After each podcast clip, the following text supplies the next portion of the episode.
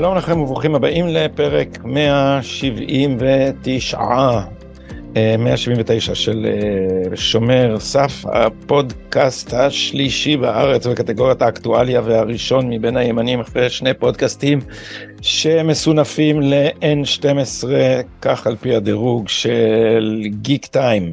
ואנחנו שמחים לארח בפעם הלפחות שלישית אם לא רביעית את האחד והיחיד אבי וייס. אבי שלום לך.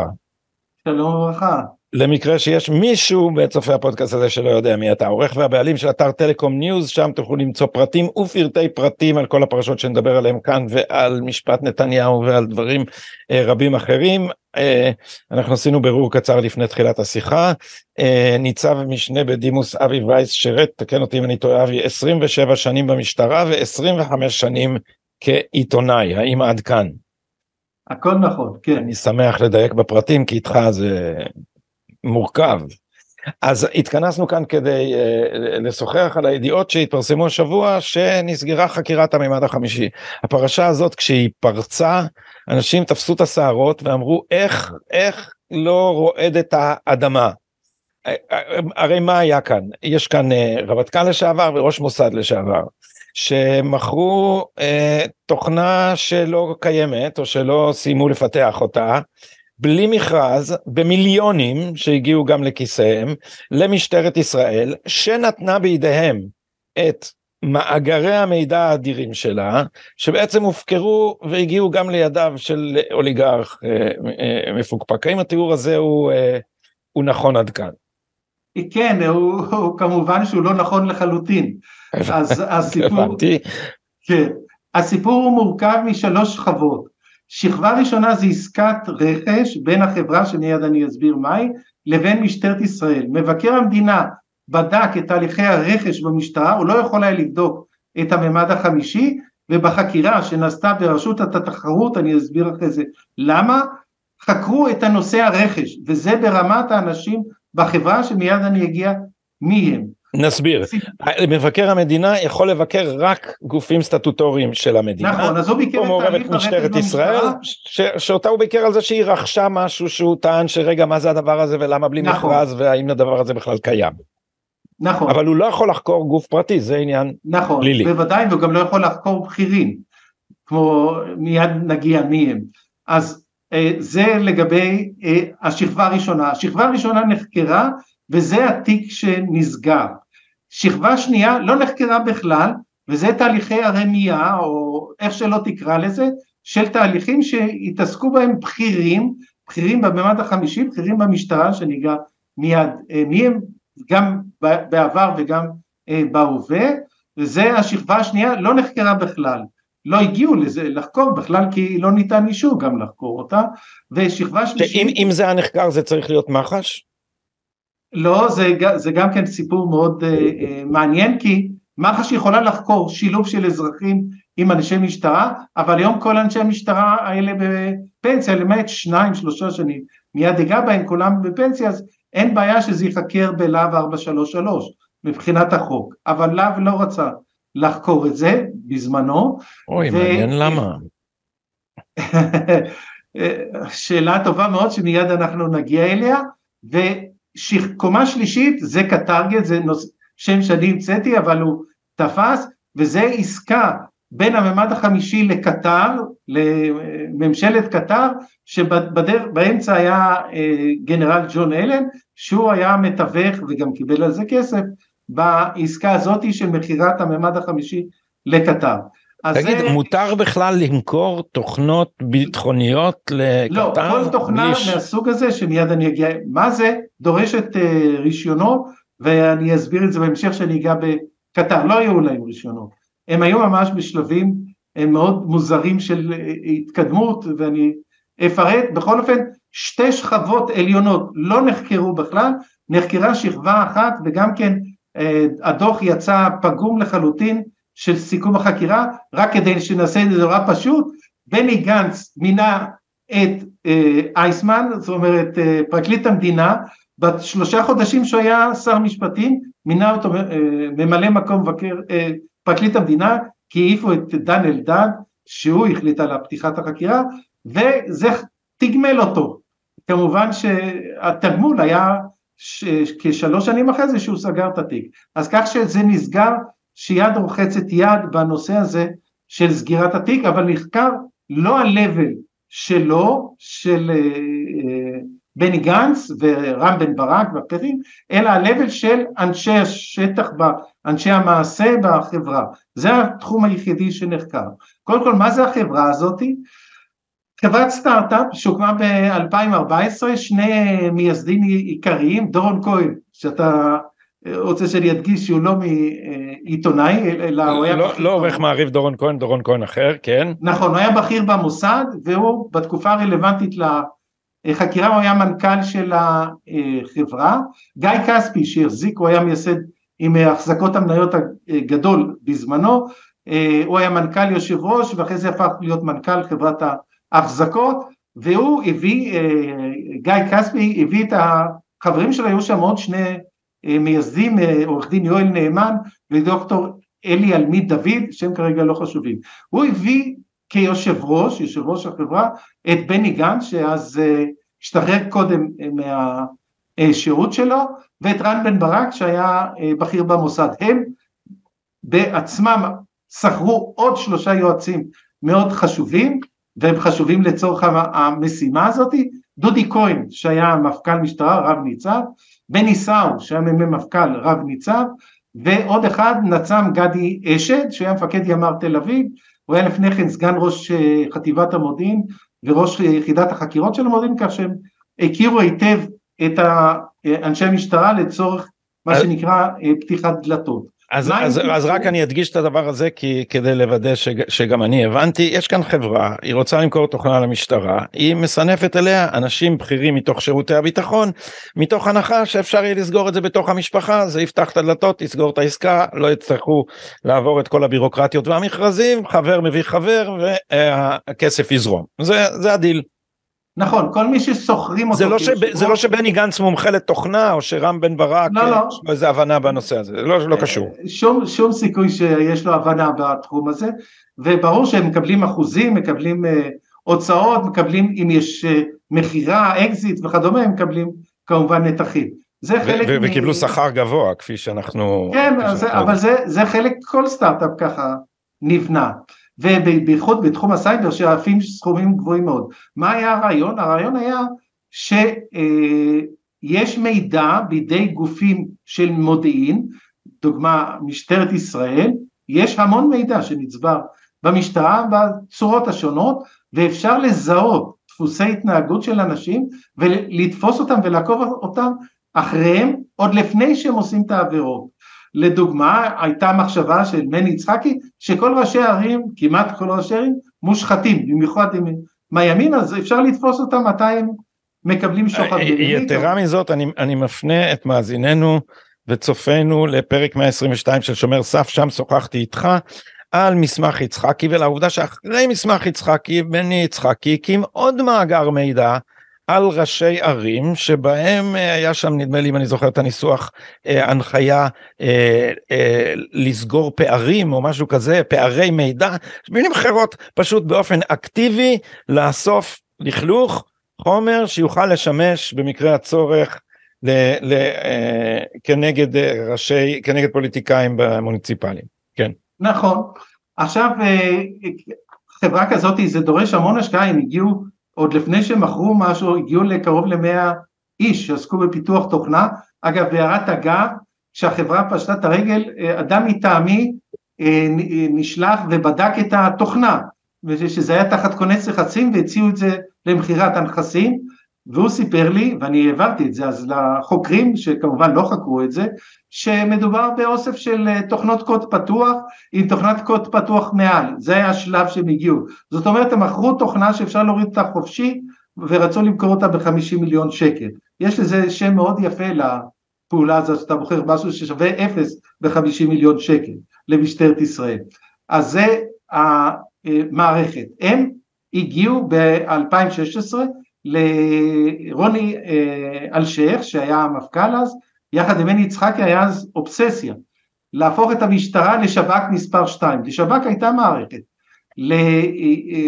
היתוך מידע, קראו לזה fusion center, שזה היתוך מידע של כל המידע שיש במשטרה, במשטרה יש המון מידע, לא רק מודיעין, גם תוך דברים מאוד אה, פשוטים, למשל כניסות ויציאות בנתב"ג, אז אתה יכול לראות את התנועות שלך, רישום אה, כלי רכב, בעלות על יכטות, אה, נשק, כל התיעוד המשפטי. מצלמות תנועה?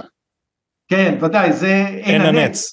מי נוסע בכבישים ועם מי שמצלמים אותך, עם, ביומטרי, לזיהוי, יש... לזיהוי ביומטרי של פנים, כמה מתוך 50 המיליון השקלים עברו לממד החמישי?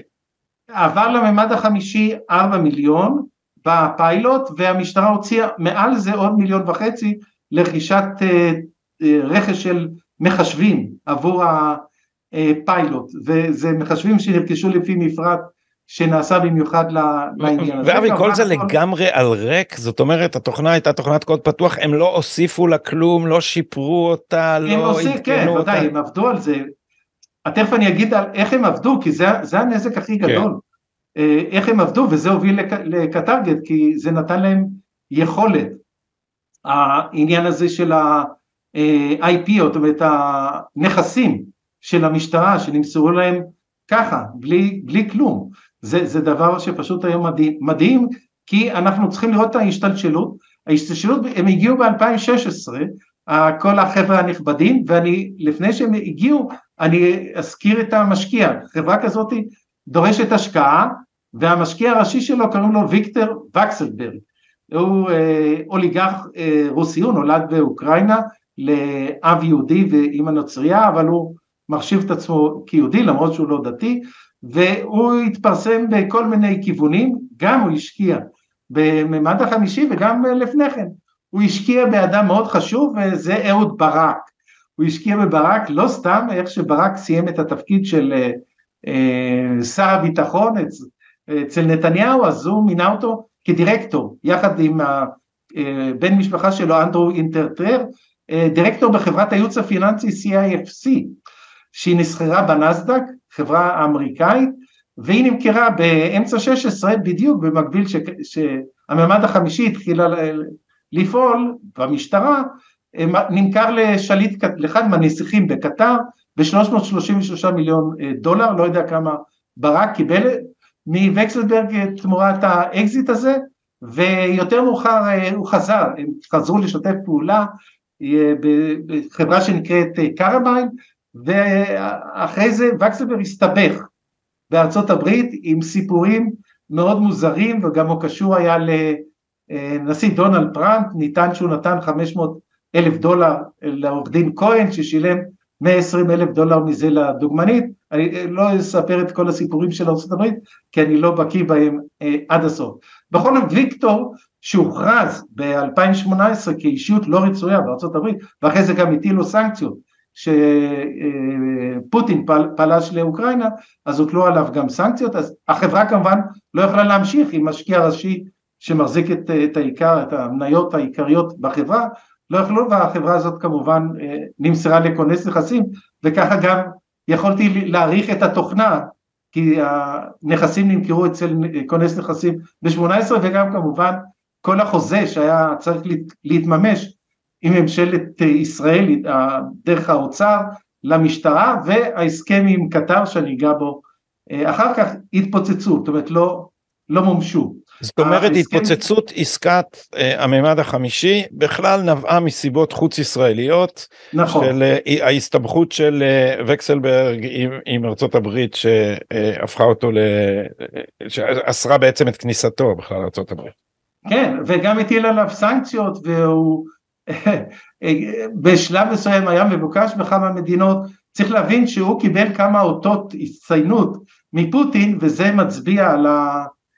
קרבה שלו לפוטין, הוא גם משקיע לא מעט בסטארט-אפים, משקיע בהמון אה, מקומות, הוא גם תורם הרבה, תורם גם בתחום היהודי ברוסיה, אדם מאוד אה, מיוחד, בכל אופן ההסתבכות הזאת גרמה לנפילת החברה ולהתפוצצות כל התהליך, וברק אה, יחד עם רם בן ברק ויחד עם בני גנץ החליטו ללכת לפוליטיקה, ואז התחילה הסתבכויות אחרות שעם הסמארטפון שלו שאני לא אגע בזה כרגע. אני חוזר לממד החמישי.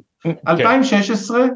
הם מגיעים למשטרה וכמובן מכירים, צריך להבין, כאן יש לנו אה, שלושה קצינים בכירים, שני מפכ"לים ואחד שהיה מפקד, אמרתי לה, ואם מגיעים, אה, פותחים דלתות מה שנקרא אצל אה, רוני אלשף, שהיה בשל, הוא חיפש כלי כדי לייצר ידע מוקדם על אנשים מכל מאגרי המידע שיש במשטרה, זה, זה לא מאגר המידע של השב"כ שהוא די אה, לא מורכב כמו המידע המשטרתי, למה? כי יש מאגר למשל מאגר הפלילי, טביעות אצבע, תיקים וכל החקירות והמודיעין על, על כל הנחקרים, נאשמים, עדים במדינת ישראל, זה מאגר אדיר, מאגר של מכוניות, מאגר של כניסות ויציאות מארץ, מאגר של מחזיקי נשק, כל, you name it, מאגר אה, תעודות זהות, מאגר רישיונות נהיגה וכולי, אה, מאגר עין הנץ שהוא מאגר עצום, זאת אומרת יש למשטרה מאגרי מידע עצומים והיה צריך לאחד אותם, קראו לזה fusion center, שהתחילו לעשות ולמפכ"ל, לרוני אלשיך היה רצון להפוך את המשטרה לשב"כ גדול, כי שב"כ זה 5-6 אלף, משטרת ישראל מעל 30 אלף, הוא אמר זה יהיה שב"כ ענק, כך הוא רצה, וצריך כלי לזה. וזה הכלי שהם אמרו אנחנו יודעים לעשות את זה. נזכיר כמה הדבר הזה חמור, שב"כ זה אה, שב"כ פנים מדינתי אה, במקום אה, משטרה הוא לא מוגבל בהגבלות של משטרה ובעצם זה מה שמאפיין שירותי ביטחון חשאיים של מדינת טוטליטריות שזה בעצם הייתה שאיפתו של אה, רוני אלשיך. אני מזכיר משיחתנו הקודמת אבי בפודקאסט הזה ש, ש, אה, שרוני אלשיך ביקש אה, להפנות את רוב משאבי המשטרה למניעה נכון. אה, אה, הוא, הוא אפילו ניסה לקדם את הדבר הזה בכנסת למרבה חלחלתם של חברי הכנסת, שלמי שלא מבין את הז'רגון, מה זה מניעה? מניעה זה היכולת לעקוב אחרי אנשים שאינם חשודים. זה נכון. מה שעושה שב"כ, שב"כ יש לו כל מיני השערות על מי עתיד להיות אה, אולי... נכון. אה, מחבל ואז חודרים לו לטלפון הם מפרים את זכויותיו ועוקבים אחריו. מקשיבים לדרשות במסגדים וכך הלאה כן. מתייחסים אליו כמו אל פושע. רוני אלשיך רצה להתייחס לכלל אזרחי ישראל כפושעים או רצה שתהיה לו רשות לחדור לפרטיותם כאילו היו פושעים. זה המשמעות של הדבר שניסה לעשות פה האיש המסוכן והלא ישר הזה. כן. נכון, עכשיו אה, צריך להבין שנניח שהייתה הצדקה מקצועית לייצור ה fusion center, זאת אומרת כלי שאוסף את כל המידע ומנתח ומביא את המאפיינים, נניח אתה רוצה לדעת מי יהיה סוחר סמים אז אתה מקבל אינדיקציות, למשל הוא נוסע הרבה לדרום אמריקה, הוא נפגש עם אנשים שהם כנראה מפיצי סמים, הוא קונה פתאום מכוניות פאר, אולי הוא קונה גם יאכטה או אווירון, וזה אתה לא יודע מאיפה הכסף שלו מגיע, אז אתה מניח, איך אתה מזהה ראש עיר, אתה רואה שהוא פתאום נהיה כזה פזרן והוא נפגש עם קבלנים בשעות מוזרות וכולי וכולי, אז אתה רוצה לזהות את דפוסי ההתנהגות העתידיים של בני אדם ולתפוס אותם בזמן. אפשרות נוספת זה אם יש לך מישהו שאתה רוצה לפצח אותו, אנחנו רואים את הדוגמה הכי בולטת וזה ניר חפץ, כמובן זה גם עבר על אה, אה, אה, חשודים אחרים ש, או נאשמים בתיק שזה אפילו את שאול אלוביץ' ניסו להפוך לעד מדינה ואת אשתו וכמובן שלמה פילבר הפך לעד מדינה, ארי הרו הפך לעד מדינה ובתיקים אחרים אנשים, אז אתה משתמש בחומר הזה כדי ללחוץ אותם ולהביא אותם למצב כזה שהם יהיו צייתנים ויפעלו לפי ההנחיות שלך. זה, אני קורא לזה שטזילנד, אבל זה הקו החשיבה שלהם שהתחילו לממש. כדי לממש הם צריכים מערכות, מערכות תוכנה שהן מאוד יקרות, והחברה הזאת, הממד החמישי, הציעה את עצמה כקנדידט, כמועמדת, לתת את הפתרון. המפכ"ל, רוני אלשיך, החליט בלי לשאול את אנשי המקצוע שזאת תהיה החברה. והוא הוציא, דאג להוציא לה פטור ממכרז בשלב הראשון. זה דבר, והוא קרא לה לזה פטור מבצעי. דאגנו, יש משהו מבצעי מאוד דחוף, שזה ממש נדיר, שצריך לעשות דבר כזה בפטור ממכרז, וככה זה עבד. איך הוא עשה את זה? מיד אנחנו נראה, כי הוא הקיף את עצמו באנשים שדואגים שזה יעבוד ככה. והוא לא עשה בדיקה ואני כן עשיתי בדיקה ובדקתי האם יש תוכנות מתחרות באותו זמן, כן, ומצאתי, הייתה מערכת שנקראת פלנטיר טכנולוגיות שהייתה מובילה עולמית בדיוק בתחום הזה, הייתה חברה ישראלית בשם ורין שהיא אה, נותנת למשטרה, נתנה מערכת האזנות סתר שנקראת קוגנית ובמערכת הזאת היה אפשר להרחיב אותה והיא הורחבה כדי לבצע את הדברים האלה, הם לא פנו אליהם, אגב הם רצו להיות במכרז, לא נתנו להם בכלל להתקרב, גם נייס היו במשחק הזה וגם הייתה חברה בשם אתנה של חברת אה, חטנר ואתנה כבר התקינה מערכת כזאת במשטרת בריטניה כדי לזהות פדופילים, אגב בנושא של אה, פדופילים כפי שאתם יודעים אפילו הבריטים שמאוד שומרים בקנאות על הפרטיות החליטו בנושא הפדופילים מוכנים קצת לוותר על זכויות האזרח אם אפשר לזהות התנהגות פדופילית מראש. ואכן הם התקינו מערכת כזאת תחת חוקים מיוחדים בבריטניה זאת אומרת היה גם ניסיון עם חברה ישראלית שהתקינה מערכת כזאת למשטרת בריטניה תחת חוקי הגנת הפרטיות המאוד קפדניים שיש אה, בבריטניה והייתה עוד חברה בשם קנדירו הם לא בדקו שום דבר ורק הלכו עליהם. ואף אחת מהחברות האלה לא ניגשה למכרז? לא, אמרתי לך, הוא החליט על פטור לא ממכרז. פטור ממכרז זה אז פשוט לא היה מכרז. לא החברות האלה לא ידעו שמחפשים.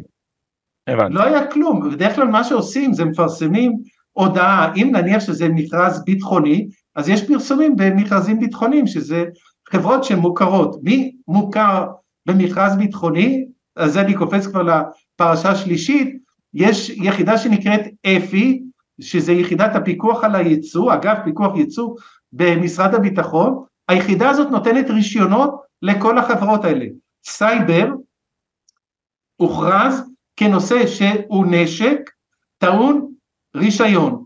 דהיינו אז כל החברות האלה שאפי נתנה להם רישיון נמצאים במאגר של אפי שבמשרד הביטחון אז אם אתה רוצה לעשות מכרז אתה פונה לחברות שנמצאות שם במאגר. יש שם המון חברות המון חברות תוכנה ישראליות נמצאות במאגרים האלה אז אתה פונה אליהם ומבקש הצעות. לא אבל, לא אבל למה למה לעשות מכרז אם אפשר לתת את הבוננזה לחברים? נכון. עכשיו אני, אני אחזור עוד טיפה אחורה.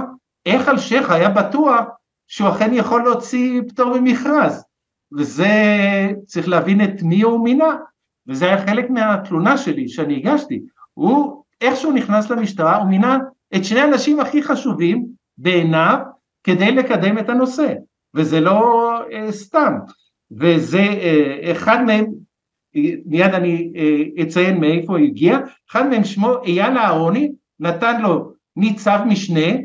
ראש מחלקת הרכש. ראש מחלקת הרכש אייל אהרוני, מאיפה הוא בא? אתה יכול לנחש? שב"כ. יפה מאוד, נכון, ואם לא מספיק אז הוא הביא עוד אחד ונתן לו דרגת ניצן וזה אה, פשוט אה, לא יאמן והוא אה, דאג שהניצב הזה יהיה ראש מחלק, ראש יחידת ה... מיד אני אגיד לך את התפקיד כדי אני לא רוצה לטעות ואני אגיד לך אה, בהמשך את שמו כאשר אני אגלה את זה. שני האנשים האלה באו מהשב"כ והם היו אחראים, לא מספיק, הוא דאג גם שבתחום של המחשוב מי שיקדם את זה זה שני אנשים שאחרי זה יתקדמו ואחת מהם זה נצן לימור נוח, ראש המחלקה לפיתוחי אה, מחשב שהבעל שלה למרבה ההפתעה היה העוזר, סנ"צ ינון נוח שמו, שהיה עוזר של אותו אה, אייל אהרוני, סליחה הנה אני כבר זה, זה השני אייל אהרוני שהוא נתן לו ניצב הגיע מהשב"כ אז הוא היה הסגן שלו ויש כל הצוות הזה אין יחידת הרכש זה מאוד נדיר שמפכ"ל עומד בראש אה, ישיבה שעוסקת בפטור ממכרז זה לא תפקידו של המפכ"ל לשבת בראש הישיבות האלה, אבל הוא ישב, מי עוד ישב בישיבות? מי? בני גנץ ורם בן ברק וכל החבר'ה האלה שהזכרתי מהמשטרה, הם באו ועזרו להם לקבל החלטה. זה אסור כמובן לפי כל הכללים של המכרזים, בוודאי בפטור ממכרז, שאתה קורא לקנדידטים שאתה רוצה לתת להם פטור וגם שהם יעזרו לך לקבל החלטה אז, על אז הפטור. זה, בישיבה שבה הוחלט על הפטור, היו נוכחים האנשים שקיבלו את הפטור. נכון. זה גילה מבקר המדינה, לא אני, זה לא, לא חידשתי פה שום דבר. אז אה, הקטע הזה של הפטור ממכרז לא עבר חלק בתוך המשטרה, היו לא מעט אנשים אמרו, זה בלתי אפשרי בנושא כזה רגיש לעסוק עם חברה שאיש מהם לא עבר יחב"ר, זאת אומרת יחידת ביטחון מידע של המשטרה. מה זה יחידת ביטחון מידע של המשטרה? זה פטנט שהוא הופעל עוד לפני רוני אלשיך, זה שכל אחד עובר תחקיר ביטחוני בסגנון של השב"כ ועובר פוליגרף, ואז מקבל הסמכה אם הוא יכול אכן לגשת לחומרים מודיעיניים וחומרים רגישים של המשטרה. איש מהם לא עבר את היחב"ר, לא עבר שום סיווג, כלום, החברה כולה הייתה צריכה לעבור סיווג, היא הייתה בכלל צריכה לקבל רישיון. רגע, אבל מדובר עם אנשים שברור שיש להם סיווג, לא מה פתאום? קהל, מה אה, פתאום? סגן אם ראש היו- המוסד, אם היו עושים אותם בפוליגרף, חלק מהם היו נופלים. למשל, למשל, סגן ראש אח"ם, תת ניצב גדי סיסו, שאחרי זה התמנה ראש אח"ם, הוא היה קשור עם הממד החמישי, קשר אישי. רק ב-2017, שזה נחשף, הוא הלך עשה הסדר ניגוד עניינים, אמר שמעכשיו אני לא אגע בממד החמישי. אז לפעמים כשאתה עושה פוליגרף לבן אדם אתה מגלה שיש לו קשר אישי עם החברה הזאת. אז זה, זה, זה לא אומר שאתה. יכול לוותר על זה, זה לא נכון מה שאתה אומר, יכולים לגלות הרבה מאוד דברים. אז. אה, בד- בדיקה של סיווג ביטחוני היא בדיקה שיכולה לקבוע את המהימנות של הבן אדם בנוגע לעסקה מסוימת. וכל עסקה ביטחונית דורשת רמת ביטחון שדה מאוד גבוהה, במיוחד בנושא כזה רגיש. החברה לא עברה אישורים של משרד הביטחון, לא עברה שום אישורי יחב"ר, יחידת ביטחון המידע של המשטרה, וככה עושים איתם עסקים.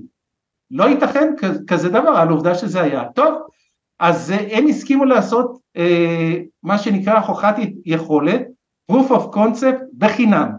זה היה השלב הראשון, זה בעיקר מצגות והצגות, שכמובן החבר'ה הנחמדים האלה שהזכרתי היו שותפים בהם, ובהצגות האלה הוצג כנראה, וזה מה שנסגר עכשיו, אה, דבר שאחרי זה נמצא לא נכון, ואני תכף אני אספר מי מצא את זה אה, לא נכון לגבי החברה. ה-proof of concept לא הוכיח שום דבר, ואז המפכ"ל החליט שהולכים לשלב ב', שלב של הפיילוט, פיילוט מאוד מאוד אה, קטן, ולצורך הפיילוט הזה היה צריך לפתוח כמה דברים. היה צריך לפתוח את מאגרי המידע של המשטרה, והיה צריך לתת להם את הידע, את תורת הלחימה של הפשע, שזה תורה שפותחה במשטרת ישראל בעקבות השב"כ, שהידע הזה, שזה ידע גם תכנותי, שווה המון כסף. למפכ"ל היה רעיון, וזה כתוב בפרוטוקולים, שאם ייתנו להם את התורה הזאתי, לממד החמישי, הם ייתנו הנחה במחיר. ככה הייתה ההנחה. הם נתנו להם את התורה, את הידע, לממד החמישי, שישתמשו בזה אחרי זה לנסות למכור את זה לקטר, ולא קיבלו שום הנחה. זה ככה רק שנדע את העובדות. האם לא דילגנו על משהו? כי ב, ב, לפחות על פי הידיעות שהתפרסמו כשהציגו את התוכנה למשטרת ישראל היה שם מצג שווא. נכון, אני מיד אגיע, למה היה מצג שג, אני אגיע איך בכלל? הם קיבלו חיבור למערכות, וזה דבר מאוד מדהים, מפני שהמפכ"ל החליט שהם רשאים להתחבר ולקבל מידע והמערכת שלהם היא היחידה שמסוגלת לתת פתרון למענה של משטרת ישראל, כפי שאמרתי, לזהות עבריינים ועבירות עוד לפני שהן אה, מתבצעות. ומשטרת ישראל נכנסה לפרויקט, קנתה אה, מחשבים, אמרתי במיליון וחצי, והקצו ארבע מיליון. במקביל הקצו אה, חמישים מיליון בפריסה לשנתיים בתקציב המשטרה לשנים שאחרי זה, בהנחה שהבטא הזה אה, יצליח. ואז היו שלוש ישיבות, אחת בתשיעי לשביעי שבע עשרה. הראשונה בראשות אה, תנ"צ קובי זריאן, שהוא החליט, הוא החליט, בא, באווירה שהייתה אז, לחבר אותם ל fusion center. במערכת המחשוב של המשטרה הכינו מערכת דמה שרצו לתת להם, מערכת דמה, לא מערכת המקורית, כדי לא לפגוע בביטחון שדה, אבל החליט להתעלם ממערכת הדמה והחליט שהם יתחברו למערכת האמיתית של אה, משטרת ישראל בלי סיווג ביטחוני, בלי שום דבר. מה לא ההבדל לא בין מערכת הדמה למערכת האמיתית? במערכת הדמה היה זבל, כל מיני אה, רישומים שמשטרת ישראל פסלה, אתה יודע ש, שיש, אה, נניח יש קובץ של אה, רישומי כניסות ויציאות מישראל, רק לשם הדוגמה, אז יש לפעמים האנשים בזה מקלידים טעות בתעודת זהות, טעות בזה, טעות בשם וכולי, אז מצטבר גם זבל, הם הוציאו את הזבל מהמאגרי מידע ועל זה בנו אה, מערכת דמה. כן, במקום זה נתנו זבל. להם את האינפורמציה האמיתית על אזרחי ישראל ונדגיש לא רק כניסות ויציאות, כל כן, סוגי כן, המידע. כל, כל מערכת, ודאי, רישום פלילי, אה, מידע מודיעיני וכך הלאה, למשל מידע מודיעיני שנפסל שלא נמצא שום ערך לו אז זה זבל, אז יכלו לתת זבל, אז כל מה ש... זה עשו דמה ורצו שהם יתחברו לדמה ויעבדו על הדמה. לא הסכים לזה אה, קובי זריאן, תת ניצב קובי זריאן, וקיים עוד ישיבה כדי לוודא שנתבצע.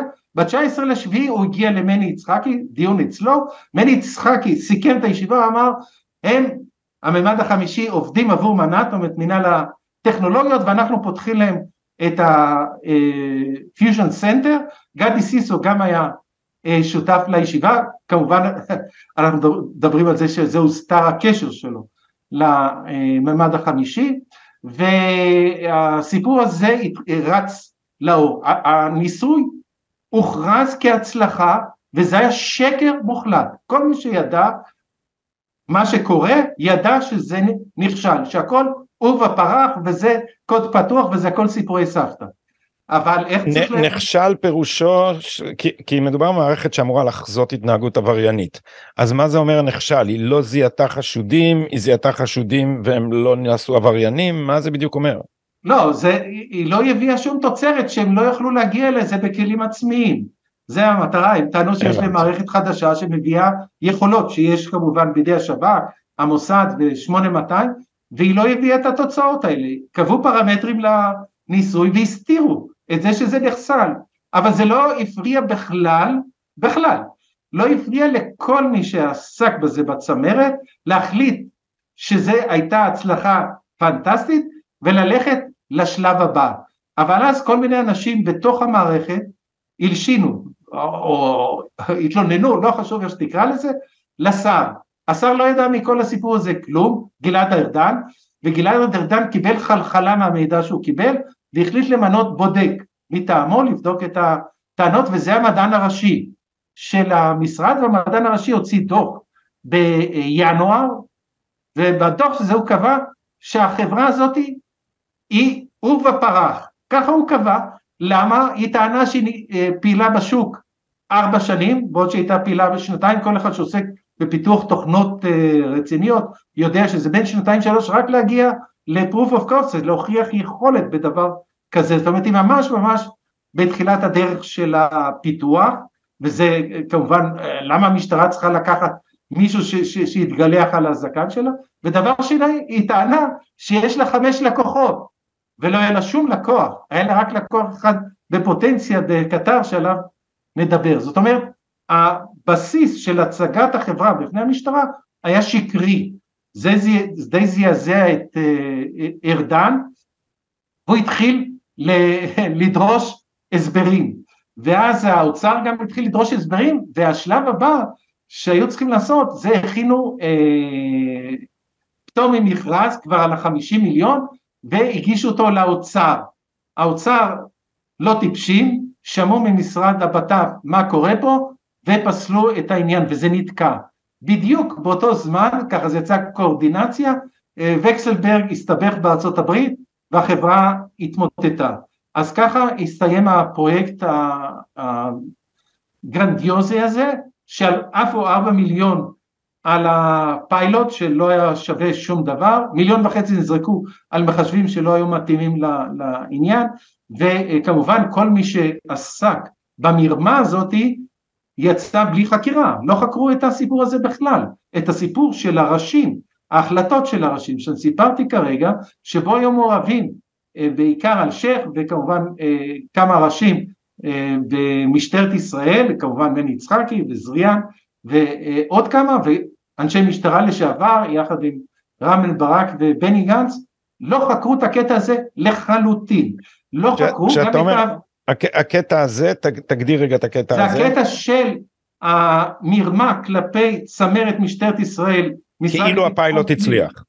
שהפיילוט הצליח ושאפשר להמשיך הלאה ולתת במסגרת הפיילוט, זה כבר התחיל אז, לתת לחברה הזאת את הידע של תורת הלחימה של משטרת ישראל, זאת אומרת איך משטרת ישראל צריכה להתנהג בחוכמה עם מאגרי המידע ואת מאגרי המידע עצמם, נתנו להם, בלי שקיבלו שום תמורה על זה, זאת אומרת זה היה רק שלב ראשוני, העבירו את כל החומר הזה ופתחו בפניהם, כמו שנקרא, את הרגליים לחברה, הם נכנסו למחשבים, טיילו בהם באופן חופשי ב fusion center, במאגרי מידע עצומים, מה קרה למידע הזה?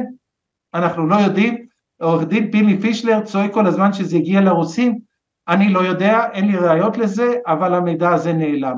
כולו, כל המידע על תושבי ישראל, כל תושבי ישראל, פשוט נעלם. מה זה נעלם? המידע נשאר במחשבים של משטרת ישראל. לא, זה הועתק, אני מתכוון. העתק, אנחנו פשוט לא יודעים איפה ההעתק. ההייטק, נכון. ולאן לא יודעים... הוא התגלגל. האם, אני, אני פשוט לא בטוח שאני מצליח לחבר את כל חוטי הסיפור הזה אצלי בתוך הראש. האם יש אה, קשר לזה ולקשר של וקסלברג, אהוד ברק וקטאר? האם דרך הלינק הזה יכול להיות שקטאר אה, אה, קיבלו את מאגרי המידע שלנו? אה, טוב, אתה קופץ לסיפור השלישי, אה, כרגע לא נראה לי, ואני רוצה להיות זהיר, אני לא יודע להגיד בוודאות, פיני פישלר אומר בוודאות, אני מאוד זהיר בעניין הזה. זה שהתחברו ל fusion center מהמימד החמישי, זה ודאי, יש על זה תיעוד. אני מסרתי את התיעוד הזה ואת הפרוטוקולים ואת הדיונים ואת התאריכים לחוקרים. למה הם לא חקרו? זה מאוד אה, ברור וזה נוגע לסיפור של פתיחת החקירה. הפתיחת החקירה הייתה בלחץ נוראי. מומי למברגר שאחראי על הנושא והוא נקבע כפרקליט מלווה התנגד לכל, לכל חקירה אבל והוא למה? התמודד למה על... התנגד לכל חקירה?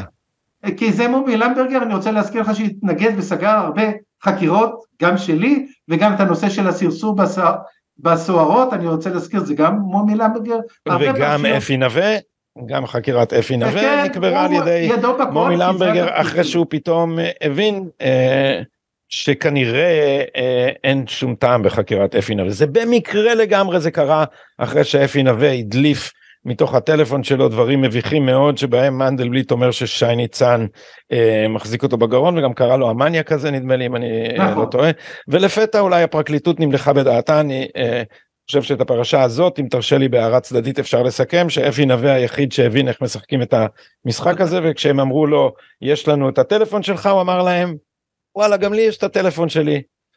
תתחילו נכון. אתם. כן. נכון אתה צודק כן אז uh, קרה דבר מאוד מעניין. בני גנץ התמנה ולא במקרה הוא ידע מה צריך לעשות הוא התמנה לשלושה חודשים לשר משפטים. היה סיפור כזה בשלושה חודשים האלה הוא מינה את uh, עורך דין עמית אייסמן לממלא מקום פרקליט המדינה. למה? כי לפניו מי שמינה את אה, דן אלדד, עורך דין דן אלדד, לממלא מקום פרקליט המדינה היה אוחנה. אוחנה לא הצליח להישאר על מקונו וגם דן אלדד נאלץ uh, לעזוב בבושת uh, פנים, עשו לו שם שיימינג רציני מאוד, אבל אלדד החליט שהמשטרה צריכה לפתוח בחקירה. המשטרה סירבה לפתוח בחקירה, מח"ש סירבו לפתוח בחקירה, כל אחד מטעמים שלו טענו בגלל שזה כל כך הרבה בכירים וזה יש פה בעיות ואז אה, אה, מי שהחליט, עמית אייסמן החליט על פטנט, יעבירו את זה לרשות התחרות. מה זה רשות התחרות? מה, מה זה? זה הם עוסקים בחברות, במונופולים וכך הלאה, אבל אני אכיר לך, אני מיד ידעתי מה יהיה, כי אני מכיר את מנהל יחידת החקירות, קוראים לו חיים ארביב. עורך דין חיים ארביב, הוא היה, אה, כשהוא היה צעיר, הוא הגיע להיות קצין ביח"א, ואז עזב את המשטרה והגיע לרשות התחרות מ-2007 עד היום, 16 שנה, 16 שנה הוא ראש יחידת החקירות ברשות התחרות. אני נתקלתי בו בשנים האחרונות המון, הגשתי נגדו המון תלונות למה הוא היה יושב ראש הוועדה המייעצת לענייני קנסות במשרד תקשורת, הוא היה אנטי בזק, הוא קיים כמה חקירות נגד בזק, עכשיו אתה מבין גם את הקשר שלו לכל ענייני הקליקה ותיקי אלפים, והוא חרבן הרבה חקירות וכל ההחלטות שלו לא נראו לי והתלוננתי, אז כי ידעתי ככה זה ייראה החקירה הזאת, באמת זה מה שהיה, הם חקרו רק את אנשי השטח, זאת אומרת האנשים עצמם בתוך החברה, אף אחד לא מהנהלה הראשית, לא מלמעלה ולא אנשי המשטרה, וכמובן שזה הסתיים בלא כלום, ככה זה התכוון, זה היה הסיבה שגנץ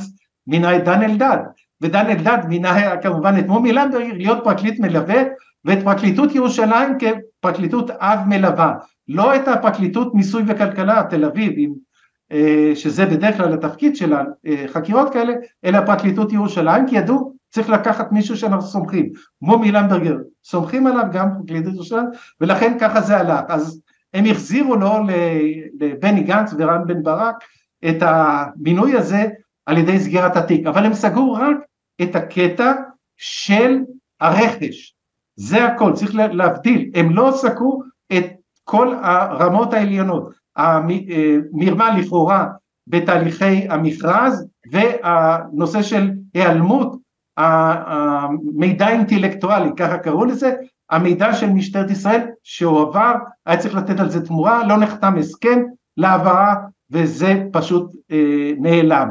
אז זה דבר שחמור ביותר, כל מה שאמרתי כרגע, זה עבירות כל אחת היא בפני עצמה מעל חמש או עשר שנים, וזה לא נחתם, אה, לא נחקר בכלל. וכאן אנחנו קופצים למשהו אה, אחר לגמרי, וזה הגיע מארצות הברית. וקרולין גליק בישראל היום הציגה מסמך, וזה המסמך כאן, זה דף אחד מתוך מסמך שלם, וזה מסמך שמספר את הסיפור של גנרל ג'ון אלן. גנרל ג'ון אלן נחקר על ידי ה-FBI בשתי פרשות, פרשה אחת שהוא ייצג את קטר, רק שאני אזכיר, ג'ון אלן היה מפקד הכוחות של נאט"ו וארצות הברית באזור המפרץ הפרסי והמפקדה שלהם בקטר, כך שהוא הכיר היטב את שליטי קטר, שהוא פרש אז הוא אה, התקדם יפה במפלגה הדמוקרטית, מיד אני אגיע למה זה חשוב, והוא נהיה עוזר של שר החוץ. הוא גם ביקר בישראל הרבה פעמים, היה לו כל מיני הצעות, למשל לוותר על בקעת הירדן, להפסיק את ההתנחלויות, כל מיני דברים הוא דחף את הידיים שלו, ובין היתר הוא נהיה גם נציג של קטר, אחד בשם זועבי ייצג את קטר בארצות הברית והוא גייס אותו לעניין, אז הוא נחקר על העניין הזה, וזועבי מכר אותו, ואז אה, ג'ון אלן מכר את גנץ בחקירה שלו ב-FBI, ומה הוא סיפר בחקירה שלו ב-FBI? שב-2016 בעקבות הפיילוט וההסכם הראשוני עם המפכ"ל, הוא גייס אותו, אה, בני גנץ ורם בן ברק גייסו את ג'ון אלן למכור את הממד החמישי לקטר. מה הובטח לו וגם קוים, הוא קיבל אה, משכורת אה, במשך כשנה, עשרת אלפים דולר לחודש, retainer מה שנקרא, ועוד אחד וחצי אחוז מהצלחת העסקה. הוא נסע לקטר, על הנסיעה הזאת הוא קיבל 40 אלף דולר, הציג את התוכנית העסקית, השיווקית המלאה לשליט קטר, שליט קטר הסכים לזה, לעסקה של 72 אה, מיליון דולר, והוא חזר אה, עם זה לישראל, והיה צריך לחתום מהצד של אה, הממד החמישי על העסקה הזאת עם קטר. למרבה הצער התפוצצה הפרשה עם וקסנברג והממד החמישי נפלה וזה לא אה, יצא לפועל. ולולי כל זה קרה, לולי זה, אה, התקלה התרחשה בארצות הברית, העסקה הייתה נחתמת, האם אפשר נכון. היה לערער או להתלונן, או כי בכל זאת, אה, כפי, ש, כפי שאמרת אתה, בשביל לתת משהו שהוא נשק סייבר למדינה כמו קטאר צריך אישור של משרד הביטחון ולא היה. נכון, לא רק שלא היה, אני התחלתי לחקור, אמרתי קרולין גליק התחילה אבל היא לא אה, המשיכה כי פיטרו אותה, אבל אני, אי אפשר לפטר אותי כי אני עצמאי, אז אני המשכתי בחקירה ונברתי וקיבלתי ממשרד הביטחון, הנה, ממשרד הביטחון, ואני אקריא לך את התשובה שקיבלתי החברת המימד החמישי אינה ולא הייתה רשומה כיצואן ביטחוני באגף הפיקוח על היצוא ביטחוני אפי וגם כך לא עובדיה או מנהליה. החברה לא רשמה מוצרים באפי. על החתום משרד הביטחון. זה, זה האישור. המשמעות חמש שנים מאסר על אי רישום המוצג ושמונה שנים על שיווק המוצג כי הוא נסע, ג'ון אלן נזכיר לך והוא כבר עשה הסכם, הקטרים חתמו לו בצד שלהם על ה-72 אה, מיליון דולר. מי יכול להיכנס לכלא על הדברים האלה? אה, מי שעשה את העסקה. שזה כל צמרת המימד החמישי? בוודאי, נכון, בראשם, אגב הוא עסק ישירות אה, מול השניים העליונים, זאת אומרת בני גנץ ורם בן ברק, הוא היה ישירות מולם, ישירות. טוב, אני התלוננתי. האם אתה אומר, אבי, שהאנשים האלה פשוט היו צריכים להיות בכלא ולא בכנסת? קודם כל בחקירה, זה ברור. אז עכשיו העניין מתחיל להסתבך, אני התלוננתי אצל היועמ"שית והיא העביר את זה למומי למברגר ומומי למברגר החליט, ומה הוא החליט? יש כאן את ההחלטה, מי שרוצה יכול למצוא את זה אצלי באתר, הוא החליט, תשמע, התלונה שלך נורא רצינית ונורא עושה עלינו רושם, אבל לך תתלונן קודם במשטרה. טוב, אני לא, התעצלתי, לא התעצלתי והלכתי למשטרת אה, ראשון שקרובה אה, לא רחוק מביתי והגשתי תלונה מסודרת בעניין הזה. ואז קרה דבר מאוד מוזר, פתאום החליטו במשרד הביטחון שצריך לעשות רוויזיה של כל התקנות של הייצוא. ממש, רוויזיה שלמה. וזה, דלף לי שהם עובדים על זה והצלחתי להשיג את החומרים שבו מה הייתה ההצעה, שחתום עליה כמובן גנץ, שקטר היא לא מדינת אויב ומכירה שיווק, זאת אומרת הצעת מכירה לא דורשת רישיון, כי בחוק ובתקנות הקודמות עצם ההצעה היא שיווק שזה דורש רישיון וזה עונש חמור מאוד אם אתה לא אה, קיבלת ראשון. אז אם אתה מלבין את שתי העבירות האלה לא קיימות אז כאילו אין עבירות למרות שזה קרה בעבר אבל יש כבר פסקי דין שאומרים שאם חוק מסוים שינו אותו והלבינו את העבירה אי אפשר להאשים בן אדם שהוא עבר את העבירה קודם. ואז התחלתי להתקומם והתחלתי לצעוק וטוב אני אבי וייס לא יכול לעשות כלום אז גייסתי את עורך דין זהבה גור והיא אה, הלכה במסלול של בג"ץ ונתנה להם התראה כי זה היה בדיוק אה, תקופת המעבר בין הממשלות אה, שהממשלה של אה, אה יאיר לפיד ושותפיו אה, נפלה והיועץ המשפטי של משרד הביטחון הבין שאי אפשר להמשיך עם זה. מה היה תוכנית ההמשך? שהתקנות האלה יובאו לאישור של מי? תנחש. מי היה צריך לאשר את התקנות? רם בן ברק. רם בן ברק היה ראש, יושב ראש אה, אה, אה, אה, זה ועדת הכנסת לענייני ביטחון ויושב ראש ועדת המשנה לענייני רכש של, של ועדת החוץ והביטחון, זאת אומרת רן בן ברק היה צריך לאשר לבני גנץ שהעבירות שהם עשו עם קטרגט לא בתוקף. זאת הייתה המזימה. פשוט מזימה מדהימה ושבעזרה של הפעילות של זהבה גור ושלי הצלחנו לנטרל היועץ המשפטי של משרד הביטחון החליט שהוא מקפיא את התהליך הזה והוא יחזור אליו בממשלה הבאה וישקלו מחדש את כל הרפורמה הזאת בענייני אה, ייצוא ביטחוני ואת כל הסיפור הזה של הממד החמישי, האם קטר היא מדינת אויב, לא מדינת אויב, האם צריך לשנות את התקנות או את החוק או לא.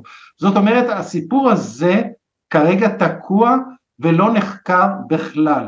יש את התלונות שלי, יש את התלונות של כמובן של אה, עורך דין פיני פישלר וזהבה גור שהצטרפה אליי, כל התלונות האלה אה, פתוחות ולא נחקרו, אז כשמדברים על סגירת הממד החמישי צריך להבין נסגר רק קטע אחד, תהליך הרכש שנמצא ונניח שאני מקבל את זה, ש... כי אין לי את העדויות, אבל אני מניח שהעובדים, בעלי התפקידים בחברה לא ידעו על המזימות למעלה ומה עושה המפכ"ל, מה עושה אה, בני גנץ ורם בן ברק, הם לא ידעו, הם, הם הרבה מעליהם, לא, לא היה להם קשר לתהליכים האלה, בוודאי אז... לא היה להם קשר אז... לתהליכים של, שמי החליט לתת להם את הפיוז'ן, הם קיבלו את המידע, אז קיבלו את המידע, זה הם לא חקרו. אז קודם, קודם כל, אז אם כך זה לא מדויק להגיד שנסגר תיק חקירת המימד החמישי, נסגר קטע הדיון ברכש, אבל האם מדויק לומר שלפחות בסעיף הזה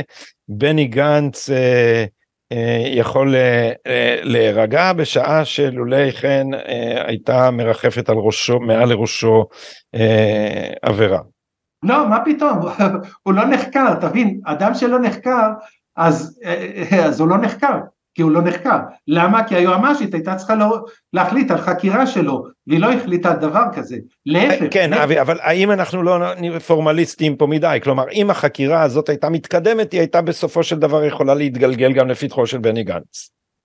בוודאי, מפני שהחברה שחקרה את זה, היחידה שחקרה את זה, שזה רשות התחרות, אין לה מושג איך לחקור פרשיות כאלה, הם לא יודעים לחקור, אין להם כלים לחקירות פליליות, אין להם ניסיון, הכשרה, כלום, מה, מה להם ולחקירות פליליות ברמה כזאת בכירה בכלים כאלה מסובכים? יש להם ידע בסייבר? יש להם ידע בניתוח נתונים? אין להם, הם, זה, זה בכלל לא ברמה שלהם. אבל, אני, אבל אני שואל יותר ספציפית, אם uh, לולי הקטע הזה, אם הקטע הזה של החקירה היה נשאר פתוח, האם הוא מהווה איזשהו סיכון לבני גנץ שיכול להתגלגל בהמשך ולהגיע גם אליו? כן, אני חושב שכל יועמ"ש שיחליף את היועמ"שית, שיראה את החומרים אז הוא יורה להמשיך בחקירה, כי החומרים קיימים, הם לא נעלמו, זה, החומר קיים, זה תבין, החומרים הם חד ערכיים, מסמכים חד ערכיים, יש מסמכי מכרזים, יש החלטות, יש פרוטוקולים, אז יש כל, דיונים, כל, יש כל מי שאמר, כי היו מי שאמרו השבוע, תשמעו, אולי זה חדשות טובות, כי עכשיו אה, כבר לא מחזיקים את בני גנץ בגרון, עכשיו הוא שוחרר והוא אה, יוכל אה, להתנהג על פי אה, שיקולים ענייניים ולא לפי חששותיו המשוערים על מה יעשו לו בפרקליטות. אז אה, אה, האם, האם עדיין אצבעות הפרקליטות לופתות את גרונו? בוודאי, ולא רק בנושא הזה, יש עוד נושאים שקשורים לבני גנץ שאני לא יכול לדבר עליהם כאן כי יש גם ילדים שאולי מקשיבים כאן. אז אני רוצה לציין, הקטע של קטרגה פתוח כולו, לא נחקר. אני רק רוצה לציין מה קרה בארצות הברית. לפני חודש התובע הראשי שהוא מינוי אה, דמוקרטי סגר לג'ון אלן את התיק ב-FBI בנוגע להיותו סוכן של קטר, הוא סגר לו את התיק. הסגירה לא כללה את הפרשה של הממד החמישי, בזה התובע התעלם, למה? זה לא עסק שלו, זה עסק של ישראל, מה אכפת לו מהחוק במדינת ישראל? אז הוא סגר לג'ון אלן את התיק, שאמרתי הוא בכיר במפלגה הדמוקרטית גם התובע הראשי הוא מינוי דמוקרטי, אז הוא סגר לו את התיק ב-FBI בנושא של היותו סוכן של קטר. אז זה אה, פרשה שנסגרה, אבל הקטע של ישראל לא נסגר, וזה החומרים שנמצאים כאן, המסמכים שלא היה לממד החמישי אה, רישיון, והם עסקו בייצוא לקטר, זה מסמכים שקיימים, יש גם אישור בידיים שלי, הצגתי אותו כאן, שלא היה להם שום אישור, אז, והם שילמו לג'ון אלן, זה רשום במסמכים של החברה, עשרת אלפים דולר לחודש ועוד ארבעים אלף על הנסיעה שלו לקטר, והכינו גם את החוזה לקטר, ב-72 מיליון אה, אה, דולר, צריך להוציא את החוזה, זה הכל במסמכים של, שנמצאים, בני כונס הנכסים, זאת אומרת, החומרים האלה קיימים ואפשר לחקור אותם, אבל צריך יועץ משפטי כמובן מתאים שיחליט על החקירה, אבל החומר הזה קיים, הוא לא נסגר. ולסיום, האם uh, יש uh, סיכוי שאיכשהו תחקר שאלת אבטחת המידע, uh, איכשהו נצליח לברר לאן התגלגלו מאגרי המידע של משטרת ישראל על אזרחי ישראל, האם הם הגיעו לידיים של שירותי ביון עוינים של מדינות אויב, האם הם מסתובבות בעולם, האם סוחרים בהם ארגוני פשע, יש, איזה, יש איזושהי דרך לנסות להתחקות אחרי מה שקרה בהקשר כן, הזה? זה, זה, זה מחכה למישהו שידליף את זה, עד שמישהו מבפנים שידליף לאן זה הלך, זה לא יקרה, צריך להבין, עוסקים כאן בנושא, אני רוצה להזכיר שרוני אלשיך לאחר שהוא עזב הוא הצטרף לארגון שנקרא AWZ, שזה חברות טכנולוגיה שעוסקות בתחום הביון, הוא, הוא סוחר בעניין הזה, השב"כ, ביון, גם בחיים האזרחיים שלו. צריך להבין שהאנשים האלה, מוסד, שב"כ וזה, הם יודעים טוב טוב להחביא דברים כאלה, וזה נושא כל כך רגיש, כל כך מסוכן, ההחבאה של זה אני מניח הייתה במידור מקסימלי במספר מסוים וקטן של אנשים שיודעים את זה, רק אם מישהו ידליף, כמו שאנחנו מכירים את סנודן בארצות הברית, וגם בישראל יש כאלה שמדליפים, גם לי, אז בלי, בלי הדלפה זה לא יצא, אין סיכוי שבחקירה רגילה הם תכננו את הכל בצורה מתוכננת, ישבו על זה שנים לתכנן איך זה יקרה, אז לצפות שזה יצא ככה בקלות, אני חושב שזה אשליה, אני אגב לא חושב שזה הנושא המרכזי, הנושא המרכזי איך הוחלט ומי קיבל את ההחלטות ומי אישר וכך הלאה, להוציא את המידע הכי רגיש, שזה תורת הלחימה של משטרת ישראל בתחום הסייבר, ואת כל המידע על תושבי ישראל לגוף אזרחי. זה הנושא הכי חשוב, כי זה בלב שלנו, כי זה נוגע גם לנושא של הפגסוס, ונוגע לכל המהלכים, לתפירת תיקים וכך הלאה, אנחנו צריכים לנקות את המורסה הזאת שקרתה כאן. צריך להבין, כל האנשים שהיו בסיפור הזה, או שיצאו בשקט לפנסיה, שני הניצב משנה והניצב מהשב"כ שרוני אלשיך הביא, יצאו בשקט החוצה והקימו לעצמם חברת ייעוץ בתחום הרכש.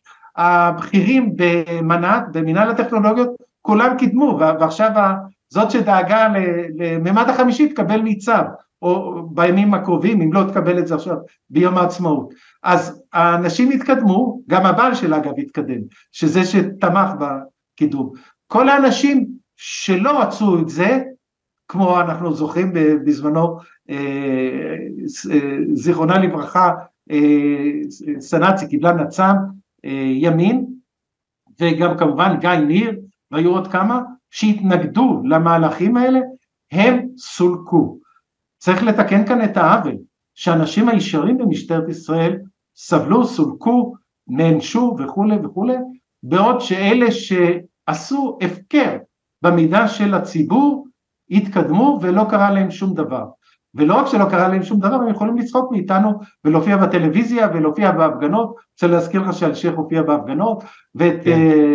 אה, לאלשיך יש סיבה טובה להופיע בהפגנות, נכון, רפורמה משפטית. נכון, וברק שהוא היה חבר טוב של וקסלברג, גם כן, אני לא יודע אה, כמה הוא מתדלק את ההפגנות, הכל כמובן נגד אה, הימין, נגד נתניהו, אז זה מהלכים שהם כל כך ברורים, ואם לא ינקו את זה אז אנחנו נשאר עם הכסף. זה, זה ברור, לאנשים האלה יש אינטרס מובהק שלא תהיה רפורמה אה, משפטית שתפרוץ את מעגל החבר מביא חבר שמגן על העבירות שלהם.